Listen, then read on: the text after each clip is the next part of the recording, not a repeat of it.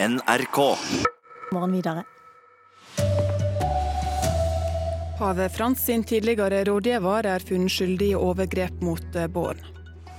Flere fysiske butikker sliter, og mange har måttet legge ned det siste året. Her er NRK Dagsnytt klokka åtte. Den katolske kardinalen George Pell er dømt for seksuelle overgrep mot eh, to korgutter. 77-åringen risikerer 20 års fengsel. Utenriksmedarbeider Tom Christiansen, dette blir skildra som den mest alvorlige overgrepssaka i den katolske kyrkja. Hvorfor? Fordi han er kardinal. Dem finnes det 120 av. Det er de som velger paven, som er Guds stedfortreder på jord, som det heter i katolsk teologi. Han er finansminister, kasserer eh, i Vatikanet, og står paven veldig nær. Og han ble utpekt av pave Frans til å ha den oppgaven, selv etter at det hadde gått eh, rykter om hans eh, seksuelle geberder i Australia, der han kommer fra. Hva er det han er dømt for? I 1996 kom han over. Da var han i Melbourne som eh, erkebiskop. Han kom over to korgutter som drakk altervin i sakristiet.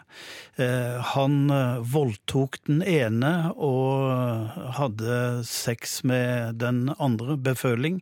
Siden har han, har han også vært anklaget for å ha forflyttet pedofile prester fra menighet til menighet etter hvert som de har begått overgrep. Så det er et rulleblad på ham som Vatikanet ikke har tatt høyde for. Takk, utenriksmedarbeider Tom Kristiansen. Flere fysiske butikker sliter, og mange har også vært nødt til å stenge dørene det siste året. Og verre kan det bli framover, det tror Hasib Syed, som er analysesjef i Danske Bank. Han sier at nettbutikker i inn- og utland med gratis frakt og retur har gjort det enklere for folk å handle raskt og billig hjemmefra. Vi tror at vi fortsatt bare har sett starten på noe som kommer til å forverre seg eh, fremover. Det er flere sektorer i bransjen som sliter. Eh, klær og sko, eh, elektronikkbransjen, sportsbransjen. Den siste tida har etablerte virksomheter som Til Bords, Toys R Us og Hansen og Dysvik gått konkurs. De mindre aktørene som har gått konkurs nå, har egentlig ikke rystet norsk varehandel i like stor grad. Eh, som det vil gjøre når de virkelig store aktørene ikke nødvendigvis går konkurs, men kommer til å få behov for mindre folk, eh, mindre butikkansatte, og kommer til å legge ned konsepter som ikke har vært like lønnsomme. Fregatten KNM Helge Ingstad nå på vei opp fra Hjeltefjorden i Hordaland etter flere måneder med venting. Du kan høre direkte rapport fra hevinga i Nyhetsmorgen på P2 etter Dagsnytt. NRK Dagsnytt, Ingvild Ryssdal.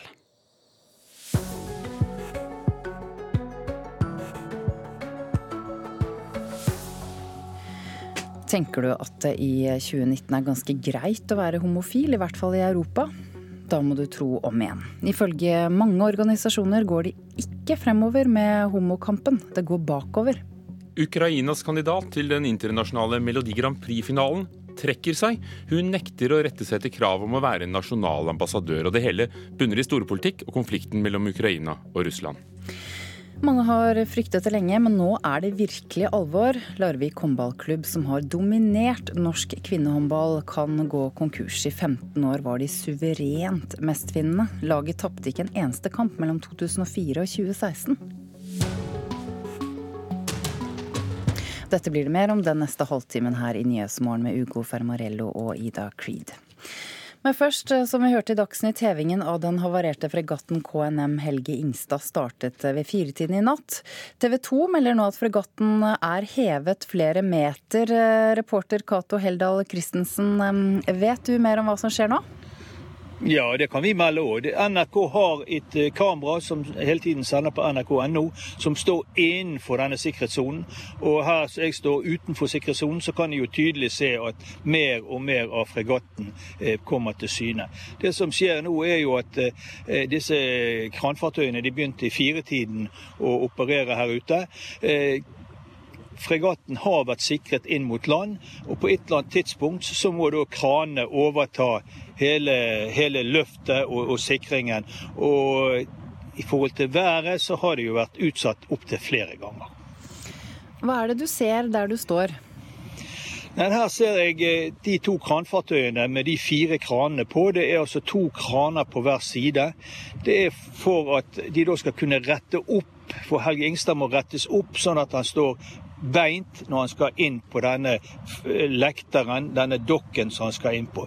Så det de holder på med nå, er å, å frigjøre han fra bunnen, og det skulle de da etter planen nå ha gjort. Og etter, etter det jeg kan se, så er de nå i ferd med å, å rette mer og mer opp. Og så er det da eh, fortsatt eh, mye drivstoff igjen i fregatten. Så eh, her er eh, Kystverket med lensebåt, her er vaktfartøyer som passer på denne sikkerhetssonen. Så operasjonen er i gang, og værforholdene som var usikre for morgendagen, de er bedre. Men det skal gå sakte, sakte, sakte for at Helge Ingstad skal få minst mulig skade. Hva er det det er knyttet mest spenning til? Nei, Det er jo værforholdet, og så er det jo, er det jo sikkerheten. Altså, det er jo klart at Her er det store krefter i, i sving. Det er 300 menn og kvinner som, som, er med på denne operasjonen. Og sikkerheten er, er den største risikofaktoren. Værforholdet er vurdert, og de skal være greie. Og så er det det at dette må skje sakte med hevingen, for vannet skal renne pent og pyntelig ut av Helge Ingstad. Og dette er flytende masse, så noen, noen eh, skott eller rom i Helge Ingstad kan fortsatt være med luft. Sånn at eh, begynner man å løfte litt skeivt, så renner gjerne vannet over på andre siden av båten, og så får man ustabilitet. Så her er det at operasjonen må gå sakte, sånn at man får den stabilt opp, sånn at vannlinjen kommer der som vannlinjen skal være. Og Helge Ingstad er rett på sjøen. Og så kommer denne flytedokken som da senkes ned. Kommer den til å bli tredd innunder Helge Ingstad når kranfartøyet har eh, slept Helge Ingstad litt lenger ut fra land, sånn at den kan komme til innunder. Cato, du har jo fulgt denne saken lenge. Fregatten til over 4 milliarder kroner havarerte altså i begynnelsen av november. Hva er det siste vi vet om hva som egentlig skjedde? Nei, vi får vel ikke vite Det vi i hvert fall eh, vet, som politiet har sagt, er at det er jo ikke noe menneskelig svikt bak denne hendelsen. Og så er det vel sånn at alle venter på hverandre. Det er vel eh, kommisjonen som da skal ha et år på seg til å legge frem en rapport.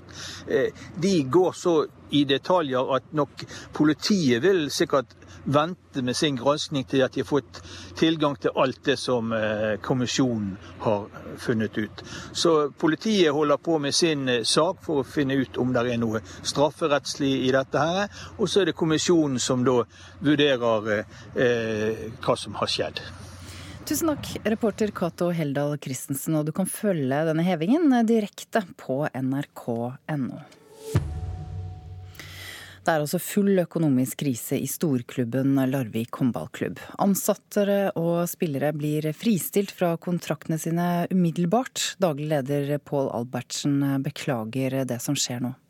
Nei, Det ble jo selvfølgelig mottatt med skuffelse, sinne ja, Du kan vel gå innom hele følelsesregisteret, tenker jeg, unntatt glede. Larvik håndballklubb mangler penger, og det er ifølge Østlandsposten tredje gang på ni måneder situasjonen er svært alvorlig. Derfor innstiller klubben alle betalinger med umiddelbar virkning, fikk de ansatte høre i går kveld. Fristillingen gir spillerne mulighet til å nekte å spille videre, og finne seg en ny arbeidsgiver. Likevel, overgangsfristen gikk ut 15.2. Så det som er beslutta, det er at vi, vi, kan ikke drifte med, det, med den eh, kostnaden vi har i dag. Eh, og, og med de eh, de fremtidige utsiktene hva gjelder inntekter, så, så vil det være helt uforsvarlig å ikke ta grep eh, nå. Larvik var i en årrekke Norges suverent beste håndballag på kvinnesiden. I 2011 vant klubben over alle, og vant Mesterligaen. Men siste sesong ble klubben slått av Vipers Kristiansand. Daglig leder Pål Albertsen sier til oss at Larvik ikke vil kunne satse som en toppklubb i Norge og Europa fremover. Det har ikke klubben råd til. Det vil iallfall bli satt på pause. I beste fall ble det satt på pause. Daglig leder i Larvik håndball mener det står om klubbens eksistens nå de neste dagene og ukene. Videre drift er avhengig av velvilje og tålmodighet fra dem som har penger til gode fra klubben. Og Klarer vi det, så er, jo, så er, det jo, grunnlag for videre drift, men på en helt, helt annen måte, med et helt annet kostnadsbilde. Og Da må vi i nærmeste fremtid justere ambisjonsnivået vårt. Selv om LHK alltid vil ha en drøm om å komme seg tilbake og en visjon om å komme seg tilbake dit hvor de har vært og skal være. Men akkurat nå så, så må vi ta noen ordentlig gode hvilesteg. Reporter Hedvig Bjørgum. Ifølge en rekke organisasjoner går det ikke fremover med homokampen, det går bakover. Daniel Gallas fra Polen opplevde å bli slått ned på gata fordi han kalte kjæresten for elskling.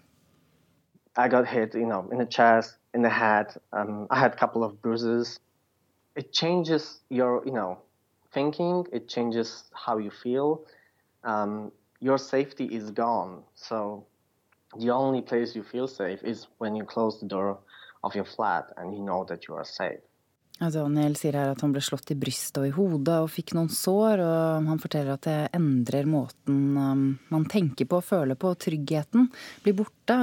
Han sier at den eneste måten han føler seg trygg på nå, er å lukke døren til leiligheten sin. Hege Moe Eriksen, du er programleder i Urix. Velkommen til Nyhetsmorgen. Tusen takk. I en serie kalt Grenseløs eh, setter dere denne uken fokus på et voksende hat mot homofile. Hva er egentlig situasjonen? Jeg må innrømme at jeg er blitt ganske overrasket eh, over situasjonen. For jeg trodde faktisk at det var lettere å være homofil i 2019 i Europa. Men eh, som du sier, så slår nå samtlige organisasjoner eh, alarm om situasjonen. I land etter land så ser vi et urovekkende bilde. Folk blir slått ned på åpen gate, som Daniel som vi hørte her. Det skjer ikke bare i Polen eller Øst-Europa, men i Frankrike så blir homofile i snitt angrepet tre ganger per dag. I Storbritannia Storbritannia har eh, vold mot homofile økt kraftig de siste par eh, årene. Og samtidig så meldes det om et voksende hat på sosiale medier og i det offentlige rom, som ofte bæres av politikere og folk med makt. Så det skapes, eh, ifølge de homofile selv, altså et, et klima hvor mange føler seg ufrie og truet over hele kontinentet. Hvem er det egentlig som truer og, og da utøver vold? Ifølge den internasjonale organisasjonen ILGA, som, som, følger situasjonen nøye, så er det da krefter på ytre høyre som, eh, som vinner terreng. Det kan være høyreekstreme som åpent eh, peker på de homofile som sin hovedfiende, og som utøver vold eller angriper pridefestivaler. Eller så kan det være høyrepopulistiske regjeringer som eh, ser på homokampen som en trussel mot det etablerte og de konservative verdiene. Og i Polen f.eks. så vakte det mye opp oppsikt da forsvarsministeren for ikke så lenge siden gikk ut og sammenlignet Pride-festivalen med en sodomimarsj. Eh, den tidligere utenriksministeren har uttalt at landet må beskyttes mot progressive krefter som vegetarianere og homofile. Så de homofile selv mener at det skapes et hatklima eh, som på en måte indirekte bidrar til å legitimere denne volden, og det er en farlig situasjon. Her i Norge har jo pride eh, blitt en folkefest, i hvert fall i Oslo har jeg inntrykk av. Men, eh, så det er, det er vel greit å være homofil i Norge, eller? Eller? Ja, ikke sant. Man skulle jo tro det. Og i Norge så kan man si at situasjonen kanskje er bedre enn mange andre steder. Men også her hjemme er man ikke forskånet for denne situasjonen. Eh, I Østfold f.eks. så har eh, unge skeive opplevd at høyreekstreme er blitt mer aktive. De har hatt en kampanje hvor de deler ut klistremerker og flyveblader med mottoet 'knus homolobbyen'. Og den har skapt mye engstelse hos unge skeive. Eh, vi skal høre nestleder i Skeiv Ungdom, Natalie Kristiansen, som jeg har snakket med. Vi har jo sett at det har vært mer aktivisme, liksom høyreekstrem aktivisme. Eh, og det er jo veldig kjipt, syns jeg. da. Eh, også hvis man, når man leser historier fra f.eks. andre steder i Skandinavia, da, der eh, høyreekstreme har på en måte gått litt lengre og liksom holdt på med vold og sånne ting. Og da blir jeg litt mer redd, for da er jeg sånn Å, det her kan faktisk skje. Hvorfor, hvorfor må folk ha så mye imot skeive folk? Hvorfor det? Ja, det gir ikke noe mening. Nei, det kan hun si. Og det er altså mange unge som, som reagerer sterkt på at, på at høyreekstreme blir mer aktive. Og frykten er jo at det som skjer i Europa, også skal skje her hjemme. Takk for at du var med, Hegmo Eriksen. Du kan lese mer om denne saken og se programmet Grenseløs på nrk.no og på NRK TV på nett.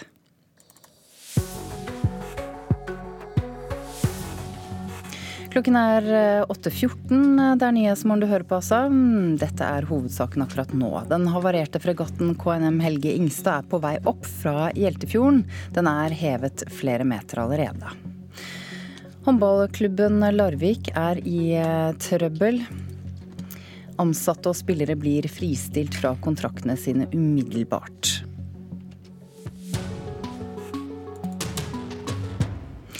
Russisk kunst og ukrainsk politikk i eh, Kulturnytt nå, Ugo? Det handler om kunst og musikk og politikk. Litt senere skal vi snakke om eh, en stor samling russisk kunst som inntar Munch-museet. Eh, hvordan blir det? Kommer Munch til uttrykk? Men nå om Russland og Ukraina og stormaktspolitikk.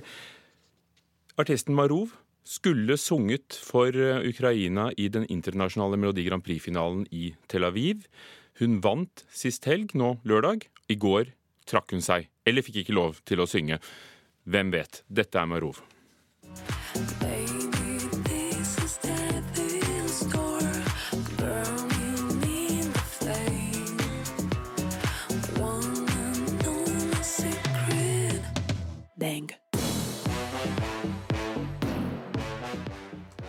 Guri Tsøviken, skribent i eh, MGP-bloggen Good Evening Europe. Hvorfor trakk Marov seg? Nei, hun eh, ble mm, etter Hun vant jo den nasjonale finalen. og der eh, fikk hun, hun fikk en del spørsmål om sitt forhold til Russland, fordi hun har opptrådt en del i Russland. Etter at hun vant. Hun vant pga. publikumsstemmene. Og da fikk hun en rekke krav til hva hun måtte gjøre for å få lov til å delta. Altså av den ukrainske kringkasteren. Og eh, blant annet så det, ble hun fratatt kunstnerisk frihet og fikk ikke lov til å gjøre noen improviserte bevegelser på scenen uten at det var avtalt med kringkasteren på forhånd. Hun ble fratatt eh, ytringsfrihet og fikk ikke lov til å uttale seg til noen media uten at det var godkjent av kringkasteren på forhånd hva hun skulle si. Eh, og hun måtte stille opp gratis på alt eh, kringkasteren arrangerer, inkludert å opptre på, opptre på ulike politikere sin eh, bursdag.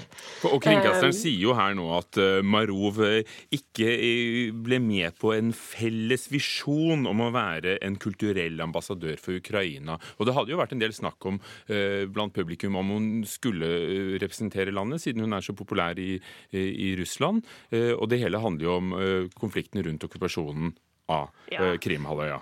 Det er jo klart at eh, Russland og Ukraina er jo i en veldig sterk konflikt. Eller noen vil jo si at de til og med er i krig.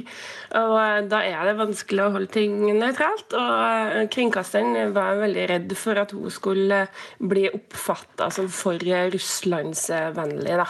Men, vi kan jo høre juryen, fordi de grillet jo faktisk alle artistene, også Marov, da, om holdningen til dette spørsmålet. Hør her. Hi, Anya. Hi, Maru. Welcome to Tel Aviv. So, I have very uncomfortable question to you. Crimea is Ukraine? Ukraine, of course. Okay. Okay. Hyggelig tone der, altså. Nå ble det jo ikke Marov likevel, da, siden hun har trukket seg etterpå. Men hun gikk med på å avlyse turneen i Russland? Ja, hun gjorde det, og det var klart at det er et veldig stort offer for hun som var stor i Russland og hadde booka mange konserter i Russland. Eh, det var, det var veldig merkelig seanse, alt det der. Det var flere artister som ble spurt om de var villige til å gi opp sitt eh, russiske statsborgerskap, eller hva de syntes var viktigst av forholdet til sin russiske mor eller til Ukraina. Og det var artister som begynte å grine på scenen. og sånn, så det det var veldig vanskelig Tror du vi får se noe bidrag fra Ukraina i Tel Aviv i mai? Nei, Nå er de i møte med EBU, som er den europeiske kringkastingsunionen. Jeg tror jo at EBU eh, e ikke er så veldig fornøyd med den politiseringa som, eh, som artistene har blitt utsatt for. Så eh, vi får se om de er villige til å fyre litt på kravene til artistene, tror jeg. Så kan man heller reise til da f.eks. Russland og høre Marov. Takk skal du ha, Guri Itzeviken, skribent i Good Evening Europe-bloggen.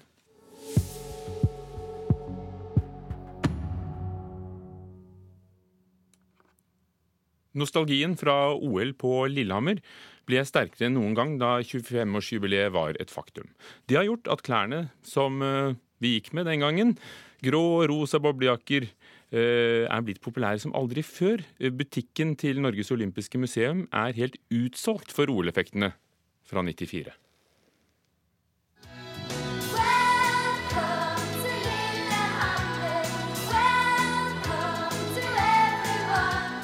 Nostalgien fra OL på Lillehammer er tilbake.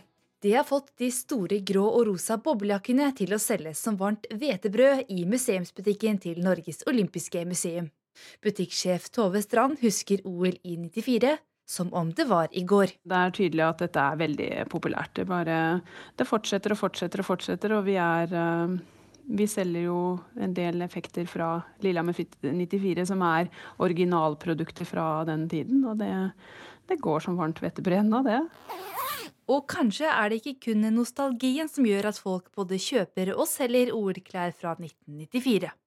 Ifølge motehistoriker Ragnhild Brochmann er jakkene nemlig svært moteriktige akkurat nå. Det er aktivt litt styggpene, ikke minst det tekniske, det sporty og det som er rått med OL-klærne fra Lillehammer, det er jo at det er en slags limited edition. Det er ikke bare vintage, men det blir laget forholdsvis få. Og er du heldig nok til å ha det i familien, da er det jo for det første autentisk, for det er din egen, din egen arv det handler om. Men når du får tak i det, så er det jo eh, et unikum, eller et unika-produkt.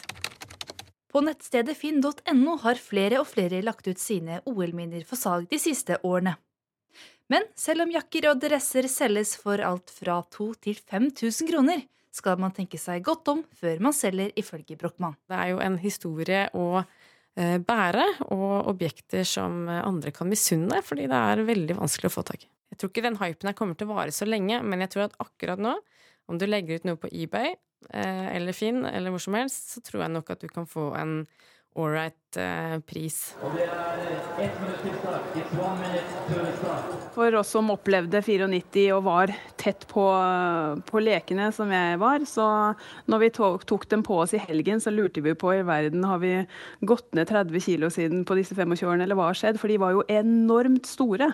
Det var jo eh, skuldervidde som Ja, du fikk jo liksom plass til både deg selv og en, en kompis inni, inni jakka. Men til tross for det noe spesielle designet, er det bare å finne fram OL-jakka nå, ifølge motehistorikeren. Nå gjelder det å bruke 90-tallsklærne hvis du har dem, og særlig den, den såkalt stygge, litt posete delen av den. Jo større boblejakker, jo mer utenkelige fargekombinasjoner, eh, jo mer eh, androgynt eller merkelig, jo definitivt bedre. Så eh, jo mer av de spraglete slipsene, silkeslipsene eller bukseselene eller de store boblejaktene du har liggende i ditt eget eller din eh, foreldreskap, ta dem ut.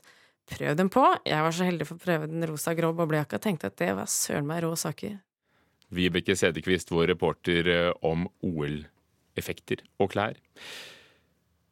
Den pågår fortsatt, eh, debatten og saken og reportasjene rundt eh, å bevare eller rive Y-blokken i regjeringskvartalet, som da er utsmykket av Pablo Picasso og Carl Nesjar. Kulturreporter Daniel Eriksen, hva er nytt? Det er Dagsavisen som har en sak i dag om eh, reaksjoner fra Frankrike på beskjeden om at Y-blokka kanskje skal rives. Det er jo fortsatt ute på høring. Men Dagsavisen har snakka med Gro Nesjar Greve, som er datteren til kunstneren Carl Nesjar, som jo laget dette betongrelieffet sammen med Picasso. Datteren sier til Dagsavisen at hun nesten er i sjokk. Hun sier at eh, de river ting som kanskje burde blitt bevart i Frankrike i går, men at de aldri ville revet et bygg som var dekorert av Picasso. Hun mener at den eneste grunnen til at franske medier ikke har plukka opp den saken i større grad, er at mange av journalistene der tror det er fake news. Men det er det jo selvfølgelig ikke. Det er uansett sånn at eh, rivinga av den bygninga som kalles R4, starter denne måneden, mens Y-blokka fortsatt er ute på høring. En britisk rockelegende døde i går hvem?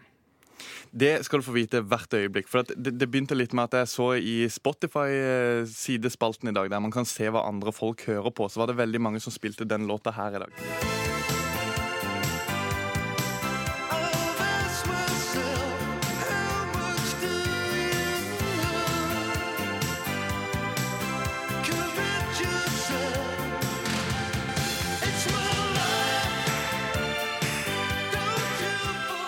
Dette er altså Talk Talk med låta It's My Life Altså ikke Gwen Stefani, selv om det er mange som kjenner hennes cover av den låta. Det ble en mye større suksess, og det er forståelig. Men det er en annen sak, for dette handler om vokalisten i dette bandet, Talk Talk, som heter Mark Hollis. Han døde i går, det skriver The Guardian. Bandet spilte musikk innenfor kategorien kunstpop og vil kanskje kalles litt sånn musikk for musikere. Hollis var en interessant, men veldig tilbaketrukken fyr og trakk seg tilbake fra musikken i 1998 etter at han har gitt ut et soloalbum til strålende kritikker. Men for å beskrive litt hvordan han var, så sa han eh, da journalister spurte om det kom til å bli konserter med dette soloalbumet, så sa han det kommer ikke til å bli noen konserter, ikke i min egen stue engang. Og så hadde han en forbindelse til Norge. Han hadde det. Fordi Selv om han var litt tilbaketrukket, så var han eh, venn med Anja Garbarek. Og da hun spilte inn albumet 'Smiling and Waving' i 2001, var Hollis med og spilte melodika og bass på det. Eh, hun var en av mange som gikk ut på Twitter i går og viste sin støtte, og skriver forferdelig, twist, eh, forferdelig trist. Vi kan høre litt på denne låta.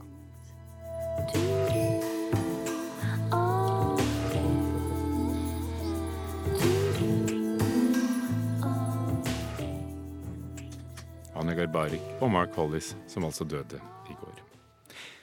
I helgen åpnet utstillingen 'Svaneprinsessen' på Munch-museet i Oslo. Dette er den første av tre utstillinger som handler om russisk kunst eh, og sammenhengen med det nordiske. Mona Palle Bjerke, vår kunstkritiker her i NRK, hva har de laget? Ja, Dette er en utstilling som altså tar for seg perioden fra 1880 og 90-tallet og frem til 1910. Eh, og som viser da Russland, og vil fjerne den eh, opplevelsen av Russland som en veldig fjern og eksotisk virkelighet, veldig annerledes enn vår egen. Og vi fokuserer på forbindelseslinjer og likhetspunkter. Og man trekker da inn norske kunstnere som Gerhard Munthe, Erik Wernskjold, Theodor Kittelsen og Edvard Munch, men også nordiske, altså svenske Anders Sorn og finske Gallen Kallela, blant annet. Da. Ja, og Vi skal komme tilbake til det med Edvard Munch, for dette ligger jo på Edvard i Edvard Munch-museet. Det er jo ja. de som har laget utstillingen. Hvordan har de ordnet det? Er det én etter én, etter tid, eller? Ja. Nei, Dette er eh, blandet sammen, og det er en tematisk eh, utstilling eller inndeling. Eh, vi kommer først inn i bondens verden. og Her ser vi oss også i Russland har de denne bonderomantikken som vi kjenner så godt fra vår egen kunsthistorie. Blant annet så ser vi da et nyromantisk stemningsmaleri fra 1886 av Vladimir Makovskij, hvor vi ser en ung kvinne og en eldre kvinne, en, mor og en datter, som står ute i en eng en sommerkveld i solnedgang. Og vi ser hvordan da det gylne kveldslyset fremhever fargene i de bunadsaktige draktene. Så her på samme måte som de norske nyromantikerne, så bruker man lyset til å skape atmosfære og stemning. For dette er jo da vel å merke en god stund før revolusjonen i, i, i Russland. Og var det en forbindelse på tvers av landegrensene? Hadde russiske og, og nordiske kunstnere kontakt? Ja, Det er spennende. Sergej Diaghilev, altså selveste Sergej Diaghilev, den mektige ballettimpresarioen som også var med å starte Mir i Kostva, denne kunstgruppen i eh, Russland, eh, og, og så var eh, da Balleros store impresario. Han var veldig opptatt av det nordiske, og han var jo en med virkelig fingeren på tidens puls, og som senere dro inn hele det store, alle de store navnene i sitt store gesandtkunstverk. Han var opptatt av eh, Norden og var en god venn av Erik Wernskjold og ville skape en utstilling i St. Petersburg i 1897, var det vel. Og ville også kontakte Edvard Munch, spurte om Edvard Munch ville treffe han. Munch var ikke interessert. Så det har vært noe, noe kontakt. Og så var, var, man jo også opptatt av Norge som det nordligste av de nordlige landene. For han var veldig opptatt av det nordlige landskapet. Og Aleksandr Borisov har disse fantastiske arktiske landskapene som vi ser i utstillingen. Og dette kom jo fra et, et utsøkt museum i Eh, Moskva. Eh, er det blitt en bra utstilling? Ja, det er mye arbeid bak denne utstillingen. Det er en kunnskapsmettet utstilling som gir et rikt innblikk i russisk eh, kunst. Hmm, men, men du har nevnt ordet Edvard Munch og navnet Edvard Munch én gang bare? Ja, ja, jeg mener jo, eh, det er et stort men, at man ikke gir Munch en bredere plass her, en mer dominerende rolle.